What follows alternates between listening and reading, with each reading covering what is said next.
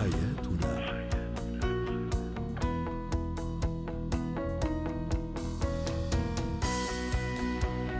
مستمعينا الكرام في كل مكان أهلا بكم معنا إلى برنامج حياتنا برنامجكم اليومي الذي يعنى في شؤوننا وشؤون الأسرة وباقي الشؤون الحياتية الأخرى. هو وهي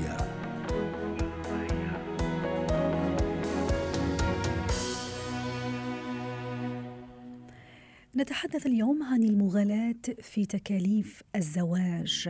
للحديث عن هذا الموضوع تنضم إلينا عبر الهاتف من بيروت الاستشارية النفسية والأسرية ميسون حمزة. يسعد مساكي أستاذة ميسون.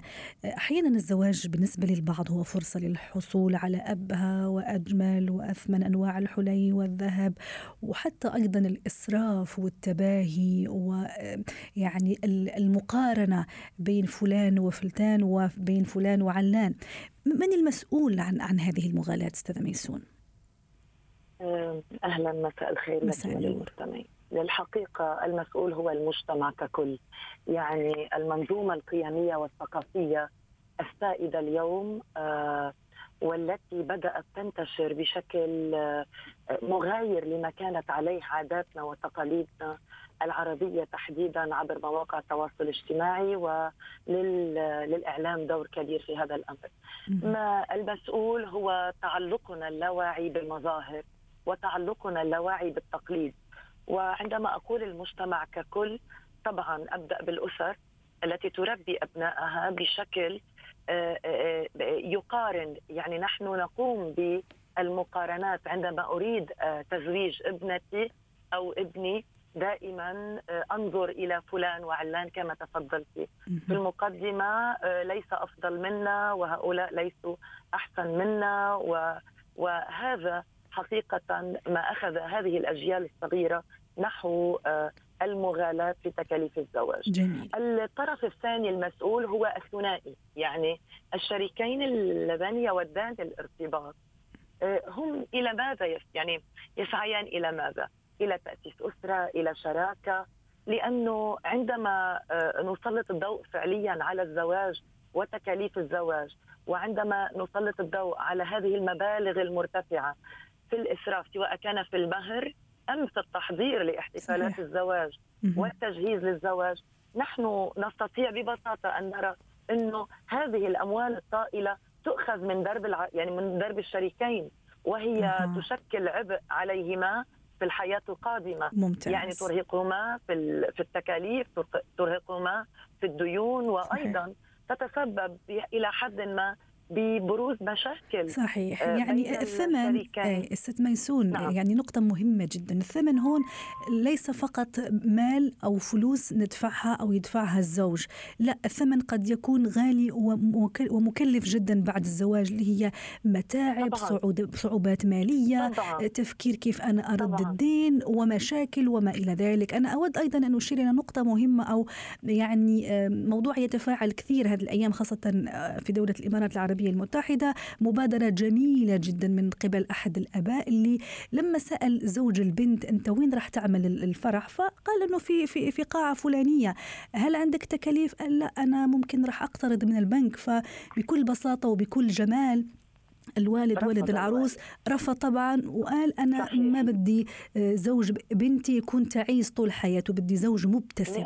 قديش عظيم قديش جميلة هذه نعم. جميلة نعم. هذه اللفتة. 100% وأيضا وأيضا نلفت هنا إلى أن هنالك شاب وصبية آه، في عالمنا العربي قد اقترنا وقاما من دولة الخليج. وقاما آه، بصرف كل تكاليف الزواج على إطعام فقراء. يعني قاموا باحتساب. كم سيكلف هذا الاحتفال؟ فلماذا لا نطعم؟ هنا طبعا آه، يعني نرى آه، الصدقة والثواب وال وال وال والتأسيس لبناء آه، أسرة قائمة على قواعد ال يعني القواعد الإيجابية لمواجهة مشاكل الحياة. جميل. ولكن أيضا هذا الأمر يعني إذا ما تناولناه من ناحية أخرى هو سبب من أسباب عزوف الشباب عن فكرة الزواج، يعني نحن لا نتكلم فقط عن من ينوون الزواج وكيف يصرفون الأموال، وإنما أيضا نتكلم بجانب نتكلم بجانب آخر. نعم. لماذا اليوم يبتعد شباننا وشاباتنا عن فكرة الزواج؟ لماذا يتأخر سن الزواج في عالمنا العربي؟ ليس دائما الأمر اقتصادي يتعلق بالبطالة. هنالك عوامل أخرى وهي المتطلبات والتكاليف. وأيضا تبدو ظاهرة جديدة هنا عند يعني لا يتعدى يعني لا يعني لا يتعلق الأمر فقط بتكاليف الاحتفال وأيضا وإنما أيضا تكاليف التجهيزات للمنزل وتكاليف تتعلق ب الخادمة داخل المنزل و و و و. يعني المشكلة ليست فقط مشكلة آنية يعني إفرازاتها أبداً. يعني كثيرة. مثل ما تفضلتي عنوسة عزوف شباب عن الزواج وبالتالي مجتمع غير متوازن. هذا العزوف وتاخر سن الزواج. نعم. تبدل بالقيم. يعني هذا الأخطر أخطر ما على ماذا ينشأ شباننا وشاباتنا؟ هل فعلا نحن في الزواج نريد المظاهر؟ يعني هل الاقتران هو شيء صح. يتعلق بالمقارنة بالآخرين صحيح. أم هو يتعلق بالانسجام ونتساءل أيضا الزواج اللي بدايته مظاهر وبدايته تباهي وبدايته مغالاة وبدايته مقارنات يعني نعم. كيف يكون مصيره نعم وكيف سيواجهون مشاكل أخرى نعم. في الحياة صحيح. يعني غدا عندما يغلق يغلق الباب على العروسين وتبدأ يبدأ مسار الحياة وفي الأغلب نحن نعلم إنه في حفلات الزواج المرتفعة وفي احتفالات الزواج المرتفعة نرى أن عدد الأشخاص غير الراضين والمنتقدين أكثر بكثير ممن أعجبهم الاحتفال الذي قمنا به. وهنا ندخل أيضا في مسار آخر آه، يحدد علاقتنا بالناس أيضا وعلاقاتنا الاجتماعية وغيرها من جميل. المسائل التي من شأنها أن تدمر المستقبل في حياة الشباب في عالمنا العربي تحديدا طيب لكل هؤلاء الزوائل لكل هؤلاء الشباب أستاذة ميسون ما هي رسالتنا لهم آه، أيضا لأولياء نعم. الأمور للآباء للأمهات نعم. اللي دائما يحرصوا يعني بعض منهم على المباهاه نعم. والمغالاه نعم. في في التكاليف نعم. وما يتبع ذلك نحن نحن دائما نتكلم عن الوعي الوعي والبصيرة ولكن هنا في قيام الزواج لابد من توفر ثلاثة عناصر أساسية العنصر الأساسي والعنصر المادي. يعني أيضا لا أريد لأبنائنا وبناتنا أن يذهبوا لبناء علاقة زواج وهم غير قادرين على القيام بها. هل يتوفر العنصر المادي؟ وهل يتوفر. العنصر التأهيلي؟ يعني هل شباننا وشاباتنا مؤهلون؟ وهنا يأتي دور الأهل ودور المجتمع ودور الإعلام نعم. في التوعية.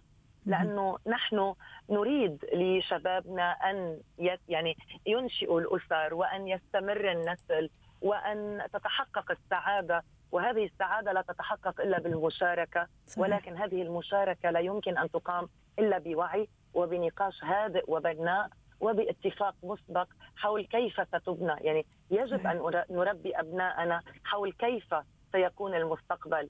يجب أن نتعلم من العبر يجب أن نستمع إلى القصص يجب أن نتشاور والى اي درجه في نحن أيضا ست ميسون في حاجة لناس فعلا تكسر هذه القواعد اللي زي ما تفضلتي في البداية نعم. هي مش من عاداتنا ولا تقاليدنا يعني فعلا. التباهي والمغالاه إلى اي درجه نحن محتاجين لهذا الأب مثله كثير ولهذا الأم مثلها كثار ولهذا نعم. الشباب نعم. الواعيين أيضا حتى ما نكمل نصف الدين بالدين مثل ما يقال يعني صحيح. ونحن عم نختم ست ميسون وهنا لأننا نتكلم عن عالمنا العربي والإسلامي على وجه التحديد يجب العودة إلى يعني يجب العودة إلى السنة النبوية الشريفة ويجب العودة إلى آه، القصص التي مرت في مجتمعاتنا والمليئة بالحكم والعبر من أجل الاستفادة نعم. ولذلك أنا عولت بدور كبير على الأسرة ودور الأسرة في التنشئة نعم. ودور الأهل في التوعية للبنات والشبان.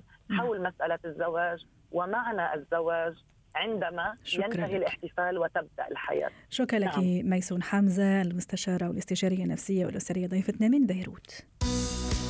حياتنا